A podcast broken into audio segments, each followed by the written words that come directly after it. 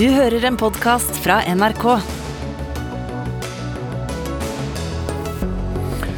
Farvel, tilbake til normalen. Hei sann, strengere innreisekontroll, koronasertifikat og oppfriskningsdoser.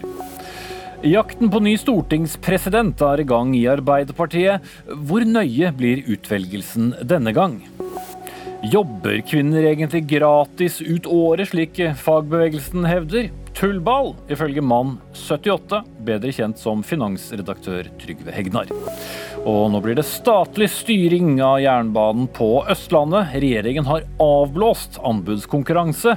Det er synd for kundene og oss alle, ifølge konkurranseglade Høyre.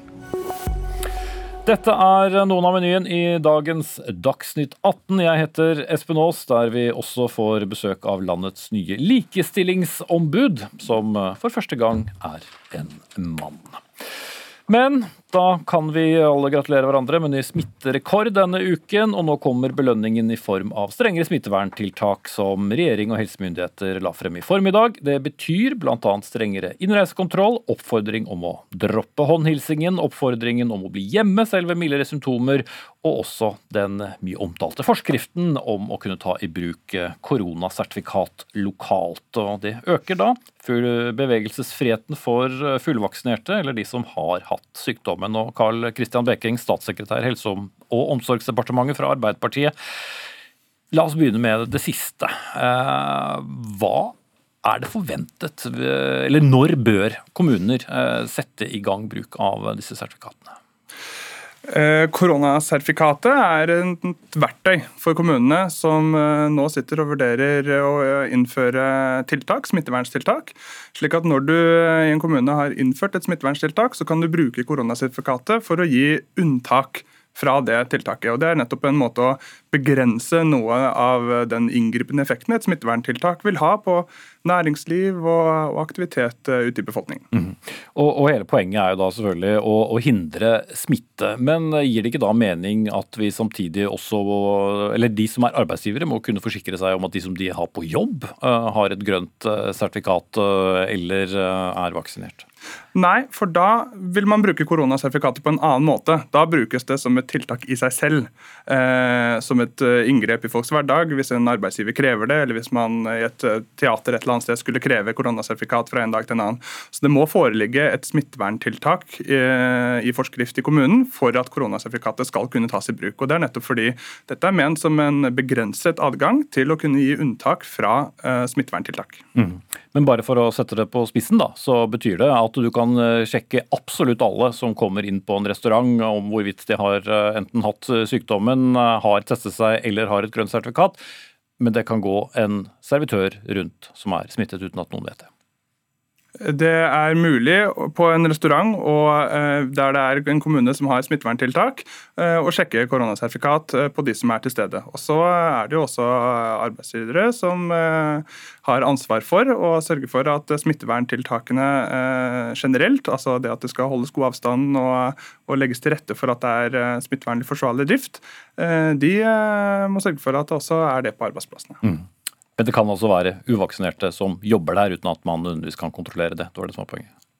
Ja, Det er en teoretisk mulighet. Mm. Camilla Stoltenberg, direktør i Folkehelseinstituttet. Nå har det også blitt innført tiltak i Bergen som eh, vedtatt påbud eh, om bruk av munnbind, der det er mye folk, og som man også kan gjøre andre steder. Ut fra disse tallene som nå er kommet, eh, er du urolig for smittevernøkningen? Ja, det er klart vi er det. Vi er urolige for eh, økningen i innleggelser, først og fremst. Nå har ikke den vært fullt så bratt som økningen i smittetall, men eh, til gjengjeld så er det jo snakk om mennesker som er alvorlig syke, og som belaster sykehusene, som er belastet med mye annet i tillegg, og det er det som er hovedutfordringen nå. Mm. Så eh, er vi jo inne i en sesong hvor A, mange har vent seg til å kunne gå ut igjen, og B, det nærmer seg jule tider. Eh, deres kolleger i Helsedirektoratet har avblåst eh, sitt eh, julebord. Bør bedrifter og andre nå sette i gang spesielle tiltak for å tenke begrensende smitte? Helsedirektoratet har ikke gått ut med noe råd om det, og det har heller ikke Folkehelseinstituttet gjort. Så deres vurderinger der, de beror på litt andre forhold. Men Det viktigste er at vi følger med hele tiden, og at en del steder i landet så er det helt klart at det ser ut til å bli tiltak som kan begrense også muligheten til å ha julebord, men det gjenstår å se. Det er ikke aktuelt med nasjonale råd om det akkurat nå, men også det vurderer vi jo selvsagt hele tiden. Mm. og så var det mye snakk om eh, denne tredje dosen eh, for de over 65. hva kan du si om utrullingen og tempoet der? For mange spør seg jo får vi nå raskt et tilbud, må vi henvende oss selv, eller hvordan virker det? Nei, Der har vi lagt om både måten vi sender ut vaksiner på, så det skal nå sendes ut rundt 200 000 doser i kommende uke, 300 000 deretter og 400 000 deretter igjen.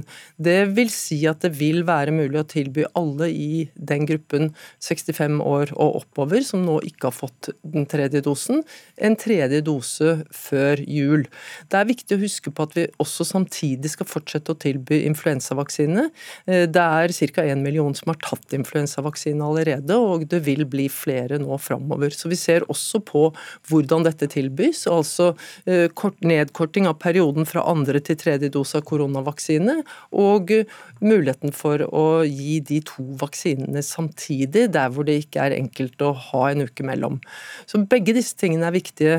De er viktige både for å beskytte folk i den gruppen som er spesielt utsatt for alvorlig sykdom, og også for dødsfall, også når det er influensasesong, og de er viktige for å beskytte belastningen, eller for å redusere belastningen på sykehusene. Mm. Så har vi også hørt at regjeringen er opptatt av importsmitte. Justisminister Emilie Enger fra, fra Senterpartiet. Hvor avgjørende er det nå å skjerpe krav til innreise? Regjeringen ønsker nå å få bedre kontroll på grensen med hvem som kommer inn. og Derfor har vi jo sagt at fra 26.11 så vil det bli registrering for alle som skal reise inn i landet over 16 år. Eh, sammen med noen andre tiltak som går på at man kan måtte vise fram koronasertifikat eller teste seg eller gå i karantene. Eh, og Samtidig, når vi innfører strengere tiltak på grensen, så kan vi også åpne eh, litt mer. For det har vært, vært igjen noen som ikke har fått lov til å reise inn i Norge nå pga. koronatiltak. Men nå går vi tilbake til de reglene som vanligvis gjelder i utlendingsloven, sånn som det var før pandemien. Mm. Men, men, rent praktisk for reisende nå, og mange har Eh, tenkt å reise mye, ikke minst i, i, i desember. Både innenlands og for så vidt utenlands, som er det viktigste her. Da. Hva må folk regne med? Vil ting ta mer tid? Når folk eh, skal reise inn i Norge, så må de registrere seg, og det kan de gjøre enkelt på internett. Eh, det kan de gjøre da inntil tre døgn før de skal reise inn. Eh, og Da vil jeg oppfordre til å være ute i god tid eh, med det, og ha dokumentasjon klart når man kommer til grensen. Og så vil eh, politiet foreta vanlig grensekontroll på ytre Schengen grense, hvor de også kan kontrollere koronasertifikat og dokumentasjon på registrering. Og så vil det være også kontroller på indre Schengen grense, hvor ikke alle kommer til å bli kontrollert, men en betydelig andel. Så der må også folk være forberedt på å kunne bli bedt om å legge frem dokumentasjon. Og så vil det ta kan det kan hende at det tar eh, noe mer tid eh, når man er ute og reiser, så jeg vil oppfordre folk til å sette seg godt inn i situasjonen, være ute i god tid og også sørge for at man har dokumentasjonen klart. Da. Mm. Eh, det, det tror jeg vil gjøre det lettere både for de reisende og for de som skal kontrollere. Hvor stort er problemet med importsmitte? Jeg vet ikke hvem av dere som har best oversikt. Jeg kan godt svare på det. Eh, de, de, som er registrert nå som smittet i forbindelse med innreise, det er ganske få i forhold til hvor mange som er smittet i innlandet, problem, eller i Norge. Eh, problemet er at vi har dårlig oversikt nå. Så ved å få dette nye systemet, så vil vi få en mye bedre oversikt. Eh, og det trenger vi, bl.a. nå fordi vi har et vinterfiske som står for døren, og andre grupper som skal mye ut og reise, inkludert nordmenn som skal ut og reise nå i desember. Mm. Men den praktiske fordelen med denne registreringen, da, hva er den? Den er det at vi får oversikt over reisende, og at vi får oversikt over de som da ikke er vaksinert og som skal eh, teste seg etter at de har ankommet landet. Vi får også oversikt over hvilke land folk kommer fra, eh, slik at vi vet noe om smittesituasjonen som de eh, har vært i, de som kommer tilbake til Norge eller til Norge. Mm. Bekking, hvor fortløpende vurderes det nye tiltak fra Helsedepartementet? Nå har det jo vært særlig enkelte byer og steder som det har vært mye smitte? Nei, Vi følger med nøye på situasjonen og får uh, fortløpende oppdrag og gode råd fra fagetatene, både Folkehelseinstituttet og Helsedirektoratet. Uh, så Det vurderer vi, men slik situasjonen er per nå, så ser vi at smitten håndteres godt ved at det er lokale myndigheter som vurderer om det skal innføres tiltak for å begrense smitten. Mm. Men er det ikke et poeng å også si at så lenge du oppholder deg sammen med andre folk i, hvor, hvor, det er tett, at man bør eh, f.eks. ha munnbind som på, på, på, kollektivtransport, eh, selv om man ikke er i Bergen og Tromsø? Nei, Vi eh, gir råd og anbefalinger etter å ha fått gode eh, råd fra våre fagetater. og Det er ikke et råd vi ennå har eh, fått. og Det mener vi at vi må Eh, sørge for å eh, i hensynta opp mot andre ting. og Det er slik som i koronasertifikat også nødvendig å se en helhet. Derfor er den pakken med tiltak som kom i dag, på innreise, på koronasertifikat, og også helseministerens oppfordring om å ikke håndhilse, eh, satt sammen slik at det skal ivareta en helhet. Ok. Karl Kristian Beking, statssekretær Helse- og omsorgsdepartementet, Camilla Stoltenberg, direktør i Folkehelseinstituttet, og Emilie Enger Mehl, justis- og beredskapsminister fra Senterpartiet. Takk skal dere tre ha.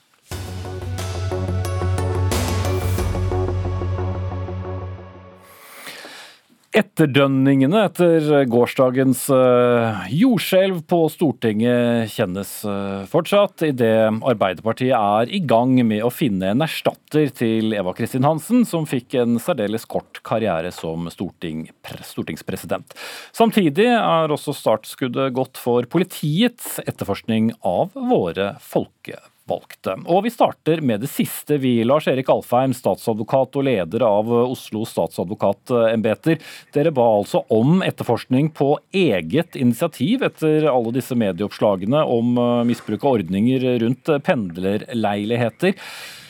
Og Spørsmålet som fort kommer opp i forbindelse med, med, med, denne saken, da er må det foreligge et klart motiv i de sakene som nå skal etterforskes? Eh, for å si det sånn, så eh, vil vi nå se på komplekset som sådan.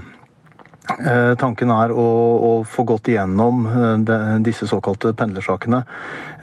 Og hva den etterforskningen avdekker, det er det vanskelig å si på nåværende tidspunkt. Men det er nok viktig for oss å få mulighet til å, til å sette oss inn i dette. Og etterforskningen er jo helt i innledningen. Eh, så får vi se litt på, på, konkrete detaljer etter hvert som etterforskningen skrider fram. Mm.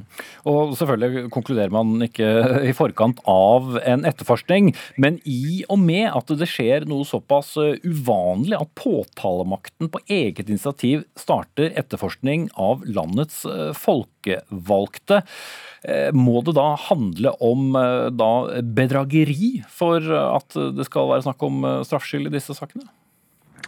Eh, for, eh, altså det, det, det egentlig eh, har sin, sin, begrunnelse i, er jo alle oppslagene om selve sakskomplekset.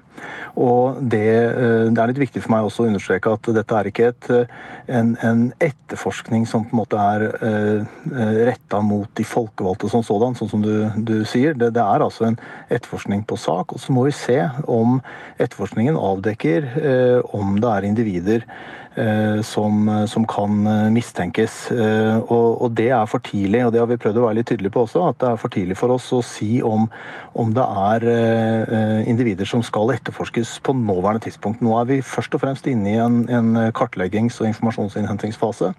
Og så får vi se hvordan etterforskningen utvikler seg. Jo, men fortsatt så er det jo da igangsatt en etterforskning på eget initiativ, uten at eh, for all del noen er, eh, er eh, anmeldt på bakgrunn av medieoppslag. Seks saker særlig da, som har vært mye fremme i mediene. Men tilbake til selve sakene. Flere folkevalgte har jo da sagt og bedyret at, dette, at de har handlet i god tro, at det kan handle om misforståelser. Bare for å komme tilbake til det med det straffbare, må ting ha skjedd med overlegg eller uaktsomhet for uh, hvorvidt det skal uh, avdekkes noe straffbart? Ja, Det er jo eh, flere bestemmelser som for så vidt kan være aktuelle. Det, det, det vil jeg ikke begi meg inn på nå. Det som er viktig for oss, det er å få påpekt at vi, vi, skal nå gjøre dette, og det skal gå uten altså Det skal være ikke såkalt unødig ulempe. Vi er også veldig klar over at dette er en veldig alvorlig situasjon som er kommet, selvfølgelig. Og vi ønsker jo ikke å skape unødig usikkerhet eller tvil rundt situasjonen som er oppstått. Men vi må få muligheten til å etterforske. Og i dette så, så ligger det jo selvfølgelig en, en, en hva skal vi si, spenning i situasjonen. Det, det, det, det forstår jeg også, men, men, men, her skal vi, her skal vi trå, trå så, så, skånsomt som vi kan fram. Mm. Ok, takk for uh, den uh, forklaringen, uh, Lars-Erik Alfheim, statsadvokat. Så til jobben med å finne ny stortingspresident. Åsmund Aukrust, du er stortingsrepresentant for Arbeiderpartiet og leder av denne valgkomiteen i, i stortingsgruppa. Hvor mye står på spill nå i uh, utpekingen av uh, den neste stortingspresidenten? Det er klart det er et utrolig viktig verv. Uh, og Det å være stortingspresident i Norge det er et av de viktigste politiske vervene man kan ha. Men det er klart det er spesielt viktig nå. For nå vet vi at det har vært mange saker i norsk politikk som ikke handler om politikk, men som handler om helt andre ting. Og det er klart at Vi har en stor jobb med å gjenreise tilliten til Stortinget og til politikken. og Det er et ansvar som alle oss som har tillitsverv i partier og politikken har. Men det er klart stortingspresidenten har det fremste arbeidet med å rydde opp. og Nå skal vi i gang med å finne en ny stortingspresident. og Det er klart det er det egenskaper som vi er på jakt etter. Og Hva er det? Hva skal legges til grunn? Blir det nå en helt annen utvelgelsesprosess eh, enn tidligere? Nei, det blir det ikke. Det blir jo at vi diskuterer hva slags person det er vi er på jakt etter. Det er klart det må være en person som har mye erfaring, eh, som vil være samlende for hele Stortinget, alle på de politiske partiene. Og ikke minst vil kunne ha stor tillit eh, både i Stortinget og i befolkninga. Og så må det være en person som har egenskapene til å rydde opp, for her trengs det en stor opprydding. Men du vil kanskje være litt opptatt av eh, om eh, vedkommende har absolutt eh, alt på sitt tørre når det gjelder f.eks. bruk av pendlerleilighet? Absolutt. Absolutt. Det er klart, Den nye personen som skal gjenreise tilliten til politikken, den kan ikke ha noen ting som hefter ved seg. Det er helt åpenbart. Så Det blir jo noen viktige ting når vi må se etter når vi nå skal finne en ny stortingspresident. Mm. Et, eh, et, lykke til er vel på sin plass. Johannes Berg, forskningsleder for politikk, demokrati, eh, sivilsamfunn eh, ved Institutt for samfunnsforskning. Du følger jo politikk tett som, som valgforsker. Og disse sakene som vi nå har hatt oppe, både KrF-leder Kjell Ingolf Ropstads gutteromsak og den siste nå med Eva Kristin Hansen, dette er det du kaller skumle saker for tilliten. Hva, hva betyr det? Ja, de, er skumle i den forstand at uh, det, har vært en, slags sånn drypp, drypp, drypp av negative saker om Stortinget. Vi husker også disse reiseregningssakene. Uh, og til sammen så kan jo de danne et bilde som i hvert fall Eh, bekrefter det som kanskje finnes av negative holdninger til politikere ute i samfunnet. Eh, vi vet jo at tilliten til Stortinget i Norge er rimelig høy sammenlignet med andre land, men også her har vi en betydelig gruppe av befolkningen som kanskje tenker at politikerne ikke er til å stole på, at de er ute etter å berike seg selv, og den typen saker eh, bekrefter jo den typen ja, synspunkter. Mm. Hvor avgjørende da blir f.eks. politiets arbeid og utfallet av disse sakene for den videre tilliten? Vi har jo allerede én dømt eh, stortingsrepresentant eh, for reiseregningsjuks. Vi har en sak som pågår i rettssystemet, og så har vi disse pendlersakene. Ja, altså Den gode nyheten er jo at tilliten i Norge er rimelig stabil og robust, og det er mange eksempler på tidligere skandaler som likevel ikke har ført til et, et stort fall i, i, tillit. Så Det som er avgjørende, tror jeg, er at, at, disse sakene finner en løsning på et eller annet vis, og at man unngår en videre liksom, eh, drypp, drypp, drypp av, av negative saker om, om Stortinget. Hvis man, hvis man, på en troverdig måte uh, finner uh, en løsning som, som uh, gjør at man legger disse sakene bak seg, så, så er det gode muligheter til at velgerne beholder det relativt høye tillitsnivået vi har. Mm.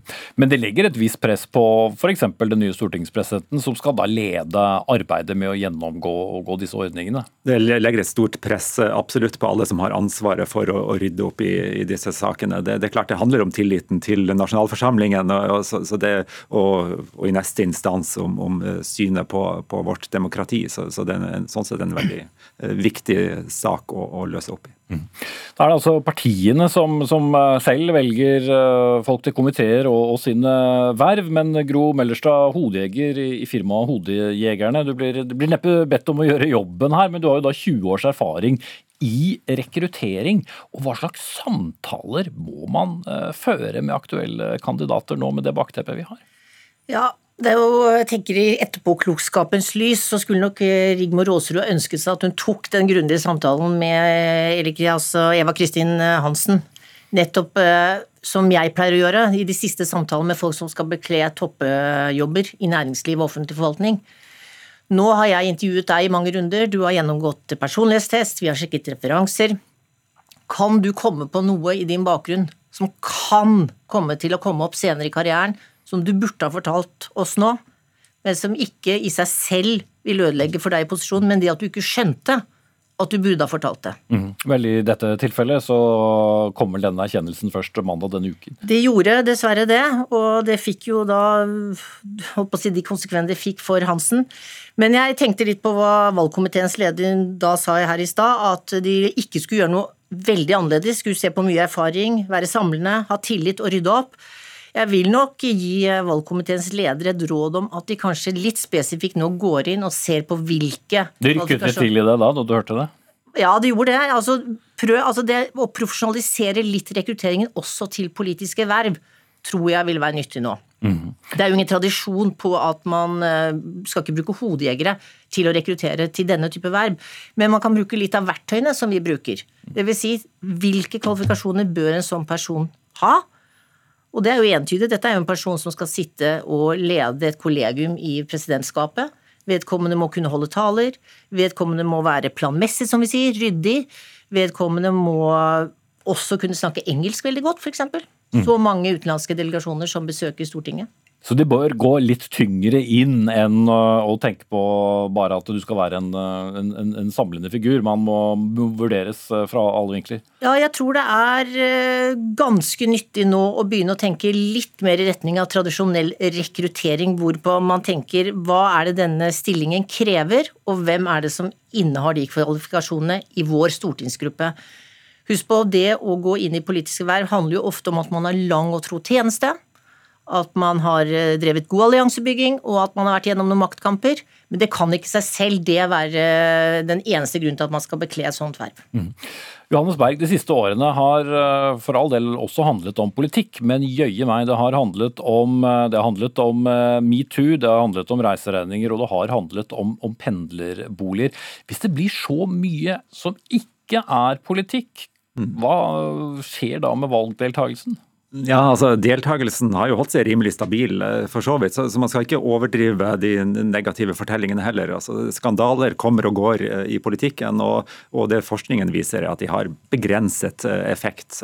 Men det som nok er problematisk, er skandaler som på en måte vedvarer over, over lang tid, og, og, og som da, ja, som jeg sa i stad, bekrefter et inntrykk av, av, politikere som er ute etter å berike seg selv. Mm. Så du ser litt spent på, på, på varigheten av, av denne runden? Det, det er varigheten muligheten og liksom muligheten til å rette opp i, i det bildet som han har skapt, og, og, og, og, legge saken bak seg, som jeg, jeg tror er det, er det, viktige. Og så, så, kan man si Rekruttering er, er, veldig viktig, og man vil gjerne ha politikere som, som ikke har noe, noen svin på skogen, så å si. Men det er klart, de, de perfekte personene finnes heller ikke. Altså, det er bare vanlige mennesker som er, som er politikere. Så, så, vi kan nok ikke eh, forvente at det, det, den perfekte personen uten noe etisk, uten noe som helst utfordringer eh, kan bli en sånn stilling. Mm.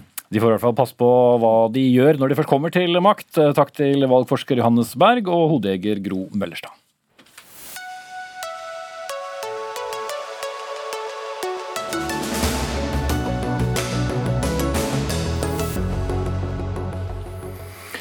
Det manglet eh, ikke på oppslag om eh, kvinner som eh, jobber gratis ut året fra og med onsdag denne uken, for påstanden kommer ut fra en utregning der en gjennomsnittsinntekt for en kvinne utgjør 87% av det en mann har i gjennomsnittsinntekt i løpet av et år. Og ut fra det regnestykket sies det at kvinner jobber da gratis fra midten av november og ut året. Men Trygve Hegnar, redaktør i Finansavisen, dette er like dumt hvert år, skrev du på lederplass på det som markeres da som likelønnsdagen, så du like så godt døpte om til det samme tullet hvert år dagen. Hva er det som gjør dette så dumt, sett med dine briller? Jo, for dette er jo, Man har tatt alle, alle, inntektene til kvinner alle inntektene til menn, og så sier man at kvinner da tjener 87% av menn, og at de da kan jobbe gratis resten av året, eller må jobbe gratis. Det er bare tull. Fordi at disse bruttotallene, da sammenligner man epler med pærer, altså det gamle uttrykket. Fordi man vet at kvinner er ofte overrepresentert i, i, lav, i lav, altså lavlønnsgrupper, f.eks. i helse- og omsorgssektoren, sykepleiere osv. De er overrepresentert der de er overrepresentert med deltid osv. slik at det er ikke kjønnsdiskriminering. En mannlig sykepleier tjener samme som en kvinnelig sykepleier. I store deler av samfunnet så blir det stadig bedre og bedre. altså Diskriminering blir mer og mer borte, likestilling blir bedre og bedre. og Så lager man da en merkelig regnestykke om at det allikevel er så stor forskjell. Men forskjellen er ikke hvis man sammenligner sykepleier med sykepleier, lærer med lærer. Så er det nesten likestilling i Norge. og Så lager man likevel disse tulletallene. Mm. Så sykepleiere og, og, ingeniører, som er en populær uh, sammenstilling, den rimer ikke for deg? Nei, sykepleier mot sykepleier er viktig. At en mannlig sykepleier ikke skal tjene mer enn en kvinnelig, det er veldig viktig. Det gjelder samme i, i, i skolesektoren, det gjelder også i andre yrker. Så det at, at en ingeniør tjener mer enn en sykepleier, det er en helt annen problemstilling. Det burde kanskje ikke være sånn. Kanskje arbeidet til en sykepleier er vel så viktig. at Det er liksom samfunnsmessig nyttig og osv. Og, og det er verdien at det er like bra som en, som en, ingeniør. Men sånn er ikke samfunnet. og Da kan man heller ikke si da at kvinner arbeider gratis resten av året. Det blir så tullete at det, da må man si ifra. Men til neste kommer det samme igjen. ja.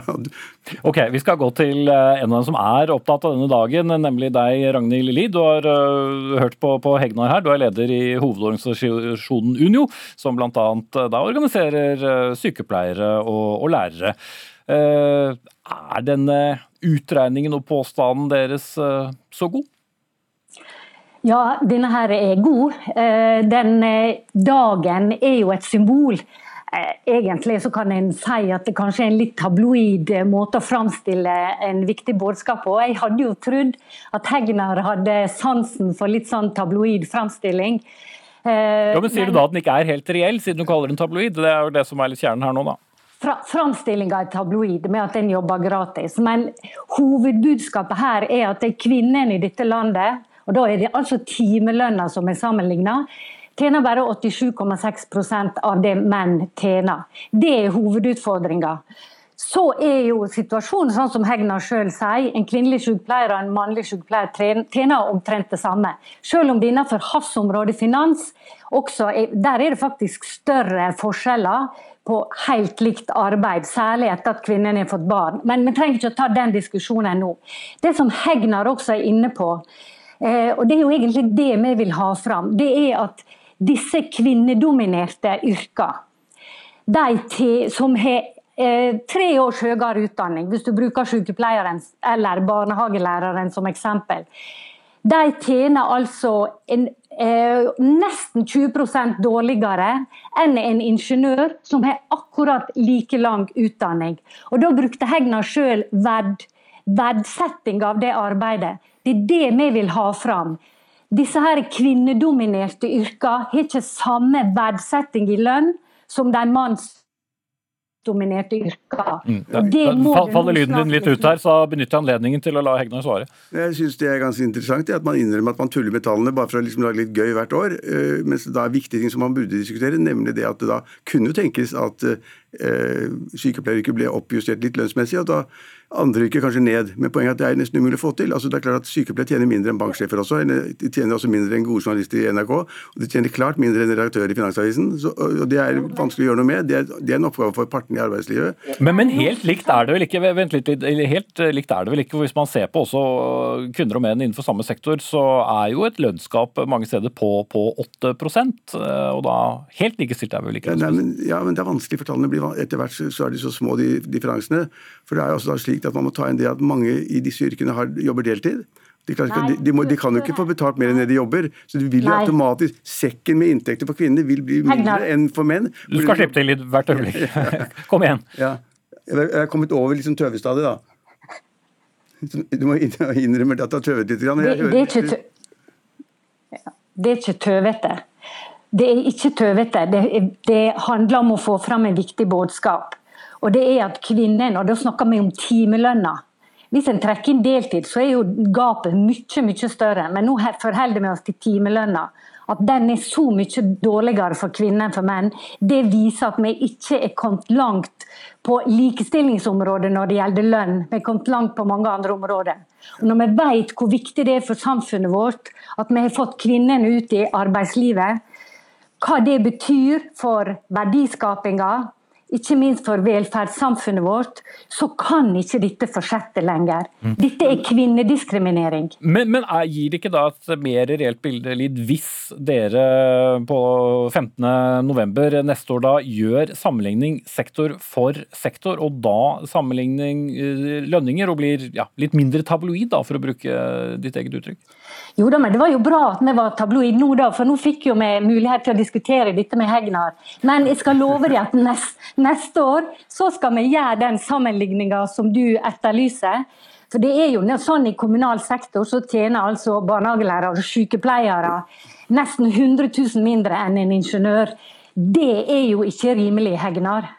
De tjener sikkert mindre enn togførere også, enn lokførere også, men er, jeg syns det er en helt annen debatt. Jeg har også så litt på LO har jeg sagt det samme som da eh, Unio. Og De har lagt inn da i tallene sine for å få frem differansen, at den er større. altså, altså Menn tjener veldig mye mer enn kvinner. Så har de også lagt inn da kapitalinntekten til mor og far i en familie. Og det, Vi vet jo alle de som har greie, fulgt med at det er kapitalinntektene, Det er menn som investerer mest, det er de som har størst kapitalinntekter. Hvis man legger det oppe på de rene timelønnssatsene, så blir differansen enda større. Og det tuller de også med. Mm. Men nå høres det ut da som du slipper å døpe den til det samme tullet ja, hvert år dagen, for nå eh, antydes eh, litt mer tall neste år her fra deg, Lid? Du skal få mer tall neste år, Hegnar, og da håper du hjelper oss med å få ja. fram utfordringene med disse gruppene som ligger på et for lavt lønnsnivå hvis en skal klare å rekruttere og beholde de som vi absolutt trenger framover. Ja, jeg er veldig mot diskriminering, og jeg er veldig for høyere lønning for sykepleiere.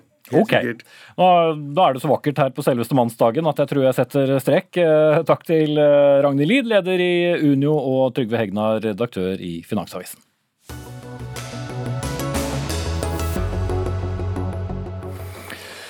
Hvis du har gått og lurt på hvem som kommer til å kjøre de lukrative togstrekningene på det kundetette Østlandet fremover, så kan du for så vidt uh, slutte med det. For svaret er at det er det helstatlige Vy som skal gjøre det som het NSB. Det har regjeringen nå falt ned på, og har avlyst eh, togkonkurransen på disse strekningene. Høyres umiddelbare respons var at dette var dårlig nytt for både togreisende og faktisk fellesskapet, men før Høyre får slippe til, så får vi høre med deg da, samferdselsminister Jon Ivar Nygaard fra Arbeiderpartiet. Hvordan vet du at det blir best med Vy? Vi vil jo ha et bedre jernbanetilbud for alle. og Da innebærer det at vi vil ha et bedre togtilbud for kundene på Østlandet. Og de har det bra i dag? Det er forbedringspotensialet, men det handler veldig mye om forbedret infrastruktur. Jernbanen er en veldig sånn kompleks infrastruktur med kapasitetsutfordringer. Det er ofte sånn at man ikke har tilstrekkelig sporkapasitet.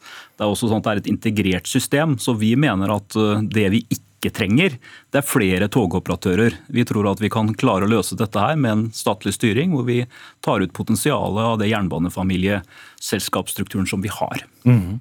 Du har jo en viss eh, erfaring fra Østfold. Eh, og eh, Østfoldbanen, som jo er en av disse strekningene som nå ikke skal konkurranseutsettes, ei heller Vestfoldbanen eller andre strekninger da rundt Østlandet.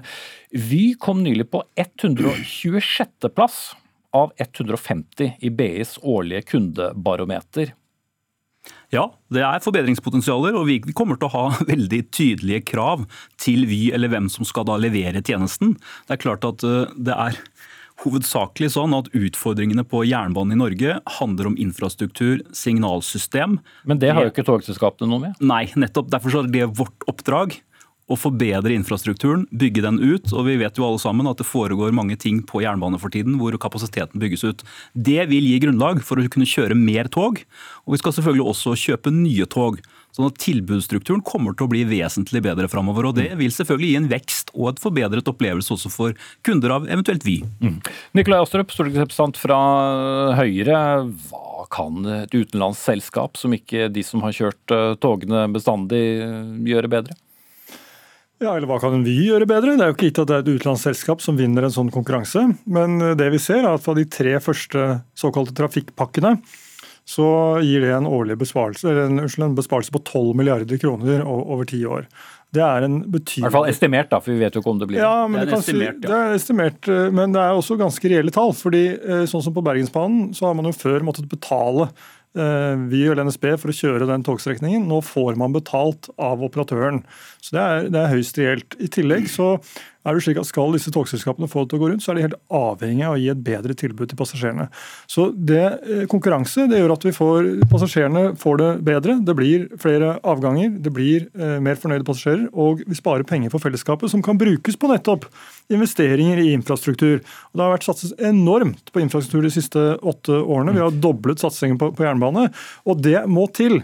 Men det å ikke slippe til konkurranse, det mener jeg eh, er dårlig for passasjerene, først og fremst. Men, men har det vært mye jubel fra passasjerene over forskjellige billettsystemer og eh, forskjellige operatører som kjører deler av den strekningen de skal reise? Hovedutfordringen til nå har jo vært covid hvis jeg skal være helt ærlig. Og Det er ikke bare for tog, det er for all kollektivtransport i Norge. Og de aller fleste av disse operatørene tok jo over rett før korona traff oss. slik at det er altfor tidlig å bedømme situasjonen nå. Men det som er eh, i hvert fall hevet over tvil, er at eh, østlandsområdet er det mest attraktive området.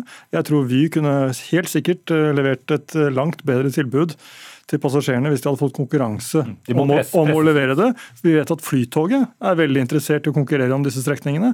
Og Flytoget har i motsetning til Vy et veldig godt omdømme i det barometeret som du viser til. Så hvorfor ikke la dem få den muligheten? Vi har jo erfaring også fra konkurranseutsetting av Gjøvikbanen, som vi gjorde under Bondevik II, og resultatet var veldig godt. Da var mer tilfredse passasjerer, flere avganger. Eh, og ikke minst bedre punktlighet enn det det hadde da NSB mm. selv vant. Okay. Men vet du hvem som vant? NSB Anbud AS. Ja. Stat. og, og Statsråder er jo alltid opptatt av sine verktøykasser. så Hvordan skal du få da Vy opp fra en ikke helt jumboplass, men ganske, og, og, måle seg da med, med Flytoget som Astrup si at Det er veldig mye, bra, veldig, veldig mye bra med Vy, men det er et forbedringspotensial for togselskaper. Og det handler som jeg sa, veldig mye om infrastruktur. Men vi som stat vil jo være en krevende kjøper, både med hensyn til at vi skal ha et effektivt Eh, et effektivt tilbud. Vi skal ta ut effektivitet. Vi skal selvfølgelig også ha en kundevekst. Det vil vi kreve i en sånn prosess med eventuelt da Vy. Sånn eventuelt er jo de ja, som skal kjøre tog? Det, det er to statlige jernbaneselskaper som er, som er, aktuelle i så måte. og Så må jo vi komme tilbake til hvordan man skal løse det sånn helt konkret. Men det er de to som er på Østlandet i dag som vi snakker om. Men trenger man Også, å skjerpe seg hvis man uansett eh, får ja, lov til å fortsette å kjøre? Det er jo en litt sviktende logikk i det. for Hvis man tror det, at selskapet ikke kan forbedre seg, at eh, tjenester ikke kan forbedre seg uten konkurranse, så mener jeg at man tar feil. Det er fullt mulig å få til forbedringer av tjenestene uten konkurranse. Bare se på Oslo Sporveier. Sporveien de har jo kjørt en reise hvor de har endret strukturene i mer retning av å ha en fullintegrert modell. Og de har vært på en spennende reise med hensyn til å ta ut effektivitet. Så det er faktisk mulig å få dette til. Astrup. Vel, jeg tror at Forutsetningene er langt bedre for å få det til hvis man faktisk konkurrerer. Og Dette er jo ikke snakk om å gi fra seg kontroll. Staten eier jo infrastrukturen, det er staten som har ansvar for det. Vi eier togene som kjøres, men det er altså konkurranse om å drifte et best mulig tilbud. Og Det å sette systemet foran passasjerene, sånn som statsråden nå gjør, det, det, det, mener jeg ikke gagner noen. Og Er det én som kommer til å trenge pengene fra denne effektiviseringen, så er det jo nettopp den statsråden som sitter der. For han var jo meget høy og mørk under valgkampen da han lovte dobbeltspor gjennom Kvikkleira helt ned til Fredrikstad. Koste hva det koste ville. Så han kommer til å trenge de penga, eh, og han kommer til å trenge dem raskt. La oss ikke spore av. Vi kommer selvfølgelig til å være veldig tett på for å få ut den effektiviteten som det går an å få ut. Og vi vil selvfølgelig være en krevende innkjøper. Men, men hvis ikke vi leverer, hva da? Hvis ikke vi leverer Vi vil levere, selvfølgelig. De har ingen interesse av noe annet enn å skape et bedre togtilbud på samme måte som det vi ønsker det. Og så er det jo sånn at uh, Dette her med at man bare kan bruke konkurranse for å få til effektivitet, jeg nekter å godta den premissen. Det finnes mange gode eksempler på at uh, man har effektivisert offentlige tjenester, at selskaper har forbedret seg uten å være i en konkurransesituasjon. Så det mener jeg også er mulig å få til med Vy. Vi får jo en lakmustest nå da, med de selskapene som har fått begynne å kjøre. Dvs. Si Go-Ahead, som tar, har Sørlandsbanen, har vel for så vidt bedt om å å få litt penger fordi covid kom. Fordi passasjerene uteble. Men hvis vi tar et annet veldig relevant eksempel, som jo samferdselsministeren kjenner også, det er Nye Veier. Eh, Arbeiderpartiet sa akkurat det samme den gang da vi opprettet Nye Veier, som de nå sier om konkurranse på jernbane. Nemlig at det er fullt mulig at Statens vegvesen kan forbedre seg uten konkurranse. Hva har skjedd? Jo, Nye Veier realiserer altså 20 eh, mer effektivt enn eh, det som Statens vegvesen gjør. Og hva har da skjedd med Statens vegvesen? Jo, de har plutselig begynt å levere men, men det, langt mer effektivt enn før. før. Det er, kanskje, det er, ikke sånn at jernbanekundene rundt Oslo og på Østlandet skriker etter flere selskaper. Det de vil ha er jo at togene skal gå, og at infrastrukturen er på plass og at vi har eh, signalsystemer som virker. Det er det som skal til for å forbedre norsk jernbane. Signalsystemene må du ta ansvar for. Det skal jeg ta ansvar for. Og skinnegangen må du ta ansvar for. Det skal jeg ta ansvar for. Og også drive togene som kjører på skinnene. Hvem som kjører dem kan ikke være det vesentlige. Det vesentlige er at toget går når det skal, og at folk er fornøyd med tilbudet de får utgang på høyre side. Unnskyld, venstre side. Min venstre side. Begge to. Nikolai Astrup, stortingsrepresentant fra Høyre, og Jon Ivar Nygaard, samferdselsminister fra Arbeiderpartiet.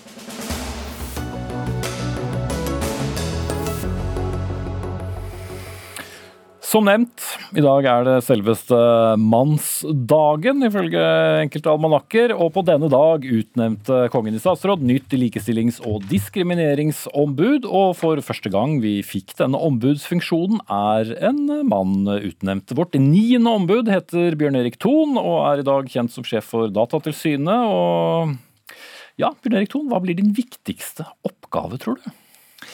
Eh, jeg skal være litt forsiktig med å gå inn i eh, viktige prioriteringer nå. Eh, jeg hadde en opplevelse når jeg var og besøkte Likestillings- og diskrimineringsombudet tidligere i dag. Da sa jeg det at en god arbeidsplass den viser seg ved at alle syns det de jobber med er det aller viktigste. Og i LDO, som er forkortelsen, så jobber vi jo for likestilling og mot diskriminering.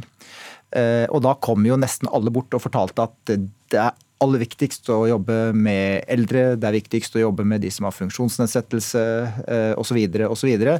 Eh, så jeg tror jeg skal lytte veldig godt til de folkene som eh, jobber der. Jeg har lyst til å ta en ordentlig god og fin runde med det sivile samfunn og alle de viktige organisasjonene som jobber med de feltene som jeg nå nevnte, før jeg kommer med noen sånne programerklæringer.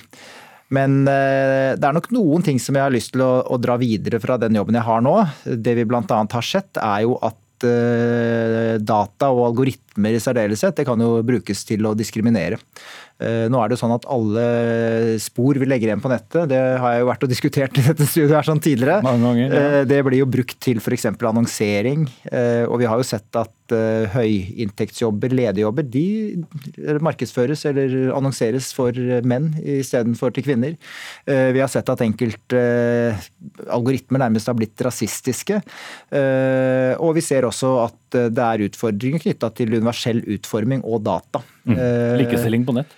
Likestilling på nett, eh, ikke-diskriminering på nett. Men samtidig så gir jo også teknologi fantastiske muligheter, f.eks. For, for de som har en funksjonsnedsettelse, som kan bruke teknologi for å få et bedre liv. Så det er en ting som jeg har lyst til å Eh, og jobbe videre med med de gode kollegaene der nede. Da den ombudsfunksjonen ble opprettet på 70-tallet, så var det et eh, likestillingsombud, som da etter hvert ble utvidet til et diskrimineringsombud. Og mye har jo skjedd siden 70-tallet, selvsagt på, på, på, likestilling. Såpass at eh, en av våre mest profilerte kvinnelige toppsjefer, nemlig Skipsted-direktør Kristin Skogen Lund, med fortid i NHO, faktisk på et tidspunkt pekte på at etniske norske menn også diskrimineres. Og siden du blir den første mannen, har du gjort deg noen tanker om det?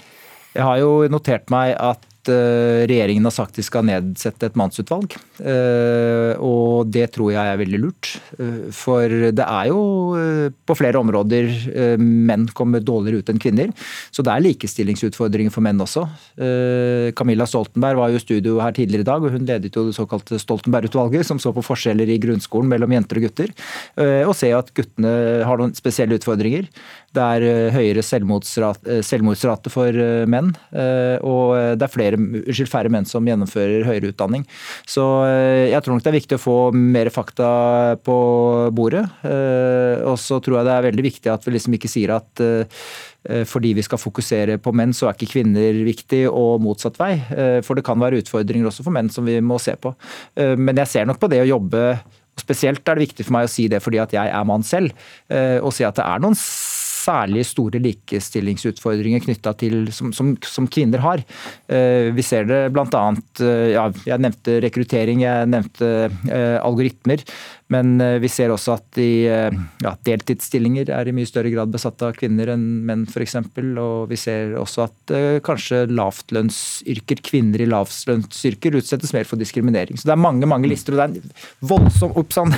og der blir jeg ivrig allerede og begynner å ja, ja. vifte med armen. Men det er veldig mange utfordringer å ta, å ta tak i her på veldig mange områder. Mm. Så vi trenger fortsatt denne ombudsfunksjonen. Du ville jo aldri i verden svart nei, selvfølgelig, men du har tenkt å, å være travel? Jeg har tenkt å være veldig travel og det er helt klart klar, en, en, veldig viktig jobb, og det er viktig å ha en sånn funksjon. Fordi eh, Likestillings- og diskrimineringsombudet jobber med noe av de aller viktigste verdiene i samfunnet vårt. Altså, De jobber for likestilling og mot diskriminering. Eh, og jeg har jo lest, og vi har sett de siste dagene, hvordan eh, en ung jente som er fisker, blir trakassert av sine mannlige kollegaer. Eh, vi leste nettopp en sak om en eh, ung jente som ikke fikk komme eh, med på toget fordi hun satt i rullestol. Sånne saker som de er jo hjerteskjærende. Og det er en skam, og det er det siste jeg skal si, at det fortsatt er sånn at man må ha opplysninger på hjemmesiden til LDO eh, om rettigheter under graviditet og under ansettelser. Det burde virkelig ikke vært nødvendig nå. Bjørn Erik Thon, påtroppende likestillings- og diskrimineringsombud, takk skal du ha.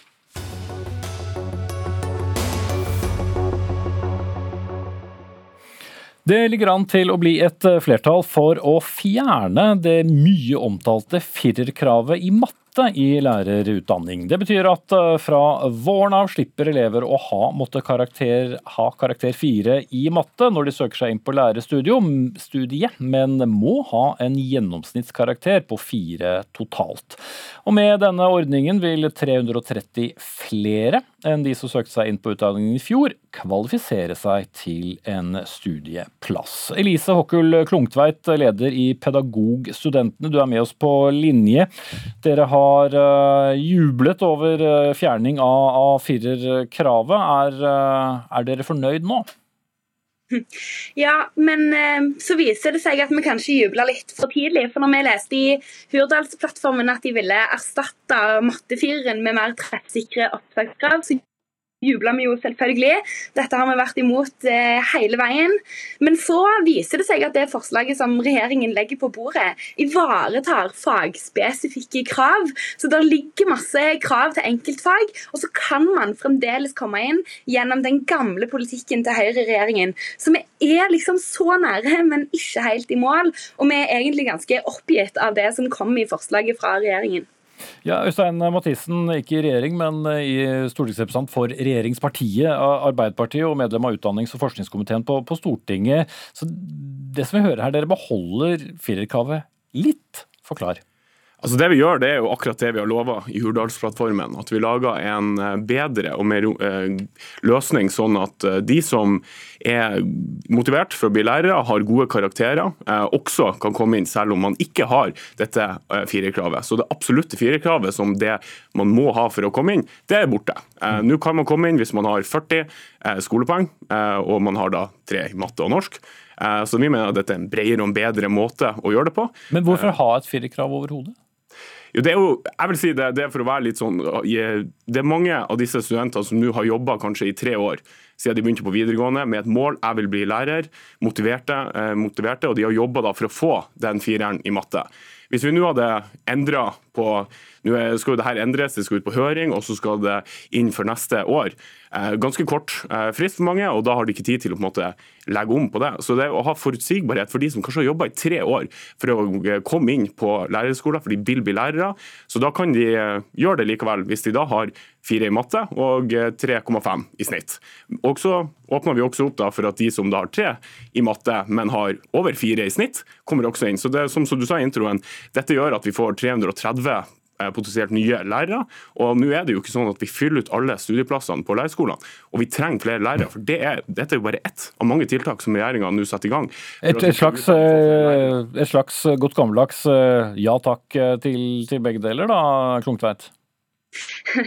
Ja, og vi vi ønsker oss at det er 40 skolepoeng som er kvalifiserende for å komme inn på lærerutdanningene. Og Det som blir sagt her om at man følger opp det som står i Hurdalsplattformen, det opplever vi at det ikke stemmer. For Der står det at firerkravet skal erstattes, og her er det ikke erstatta. Det ligger fremdeles til grunn. Eh, har man 40 skolepoeng, så er man høyt kvalifisert fra videregående skole. Da burde det ikke ha noe å si hvilke fag som gjør at du er så eh, høyt kvalifisert at du har 40 skolepoeng. Eh, og Derfra så burde det være lærerutdanning utdanningene som kvalifiserer en til å komme inn. Og det burde ikke være sånn at hvis man ikke når opp kravet, så er det matematikkarakteren din som skal kunne på en måte redde deg inn. Hvis du er ekstra god i matematikk, så kommer du inn på lærerutdanningene. Det, det syns ikke vi at gir mening. Det vi syns det sender rare signaler. Og vi tror at hadde regjeringen tørt å gå for 40 skolepoeng, så hadde det vært bra. Og så vil jeg òg si at det høres Vent, vent, vent. Mathis må svare på det, ellers blir det for mange uh, temaer i gang. Ja, altså, vi må vise noe forutsigbarhet for de som har jobba opp mot dette kravet for å komme inn. Men, ok, det sa du, men Vil det da bli fjernet på sikt, eller skal dette bli værende sånn? Fordi Hvis det gjelder i utgangspunktet de studentene som har jobbet for å forbedre mattekarakteren, så er det kanskje ikke noe poeng å beholde den i overskuelig fremtid? da? Altså, Vi må ha, noen, altså, vi må ha et, et, høyt eh, snitt for matte, for at uh, lærere er en kjempeviktig uh, jobb. og Det er viktig at vi har gode, kvalifiserte lærere som kommer inn på studiene. og Matte er et, et viktig fag fag. Norsk også, som også har et trekrav her, er også et viktig fag. De er viktige for ikke bare de fagene som er store fag i skolen, men også for alle de andre fagene. Eh, så Derfor har man opprettholdt tre eh, som en grense. Eh, samtidig som man tar opp da snittkarakteren, som har vært innspilt av pedagogstudentene. Og Vi syns dette er veldig bra at vi allerede nå har kommet i gang med dette. Og som man sier, Dette er jo ett av mange andre tiltak som vi gjør. Men, men nå er det dette omstridte vi, vi, diskuterer. da. Klungtveit, ville dere da teoretisk sett synes det var greit med en toer i, i P-matte? Det vi mener er at Har man 40 skolepoeng, så er man høyt kvalifisert. Det betyr at du har fire i snitt fra videregående skole. Men uansett mattekarakternivå? Ja, for da er det lærerutdanningene derfra som skal kvalifisere deg. Og så ser vi òg fra flere undersøkelser og rapporter som viser at det er det høye karaktersnittet til de som kommer inn på lærerutdanningene, som er med og bidrar til at flere fullfører. Og så høres det jo ut som at man argumenterer for at dette skal gjelde i en overgangsfase, men det er altså ikke det som ligger i forslaget fra regjeringen. Vi håper jo at det kanskje kan bli sånn eh, at, at, dette med denne mattefiren kanskje skal gjelde i ett eller to år til, men at man så faktisk tør å satse på eh, breie, et, et bredt opptakskrav som rekrutterer et mange mangfold av søkere som er sterk i mange forskjellige fag, ikke bare i noen få fag som regjeringen plukker ut som de aller viktigste. Mm. Du kan kvittere den til slutt. Mathias? Ja, jeg vil si det, Bredden ser vi jo når vi ser at vi får inn flere. Eh, du ville vel hatt enda flere, for det fyller jo ikke opp studieplassene nå, eller? Ja, nå, er vi, eh, altså, nå vet vi ikke hvordan dette inntaket blir nå til kommende, men hadde vi hatt eh, med, med 330, så er det en betydelig øking. og Det er veldig viktig. fordi at eh, Spesielt i distriktene, der jeg kommer fra Nordland, så trenger vi flere kvalifiserte lærere. Eh, så Dette er bare ett av flere tiltak for å komme i gang med dette. her. Eh, og Skolepoeng er vi jo enig i er altså det viktige for å se hvor mye du kan. Men, Men du må fortsatt ha et nivå i ja. OK. Ja. da har vi, mer, ja. ja. Du skal slippe å gjenta det. Vi setter strek her. Øystein Mathisen, stortingsrepresentant for Arbeiderpartiet, og Elise Håkkel Klungtveit, leder i Pedagogstudentene.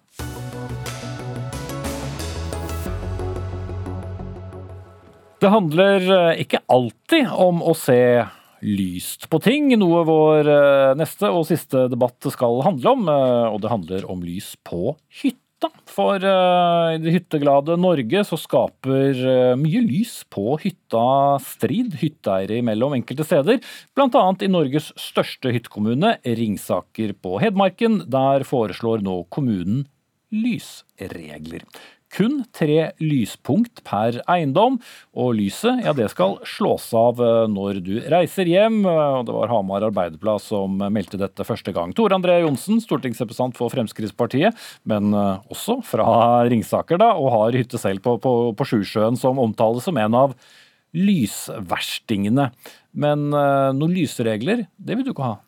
Nei, først når dere kontakta meg i dag, så trodde jeg dere tenkte liksom på Las Vegas og New York og storbyer i Asia. At det var masse sånn neonlys og blinkende, digre TV-skjermer og sånn. Så, så, jeg måtte le litt når jeg hørte at det var min kommune, Ringsaker.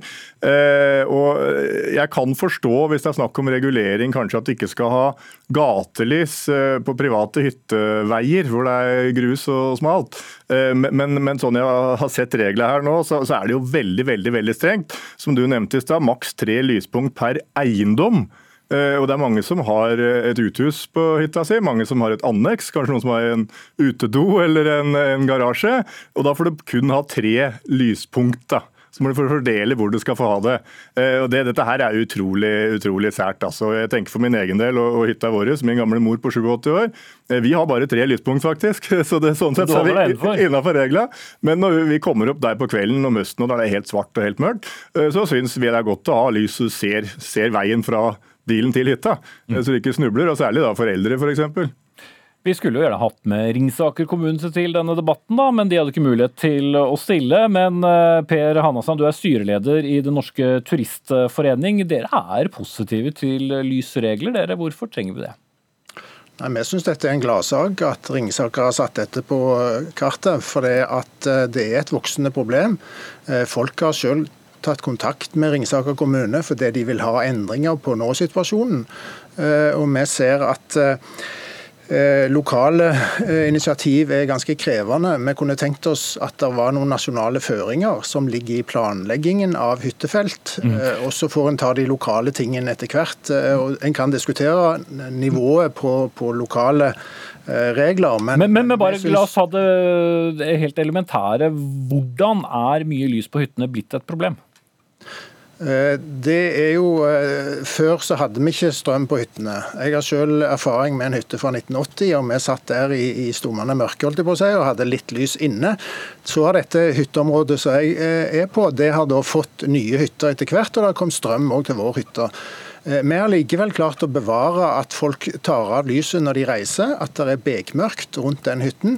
Eh, og så er det nye hytter som har noe som heter fasadelys, som er, ikke er over inngangsparti. Det viser liksom omrisset av hytten. Eh, og Hvis en da reiser fra dette stedet, så vil du da ikke se stjernehimmel, du vil ikke få den naturopplevelsen som du hadde tenkt, og det ligner mer på det stedet du gjerne kom fra, en by. Så vi har lyst til å bevare det litt naturlige preget som ligger rundt hytta og Da er lys en, en, en forurensning i noen sammenhenger.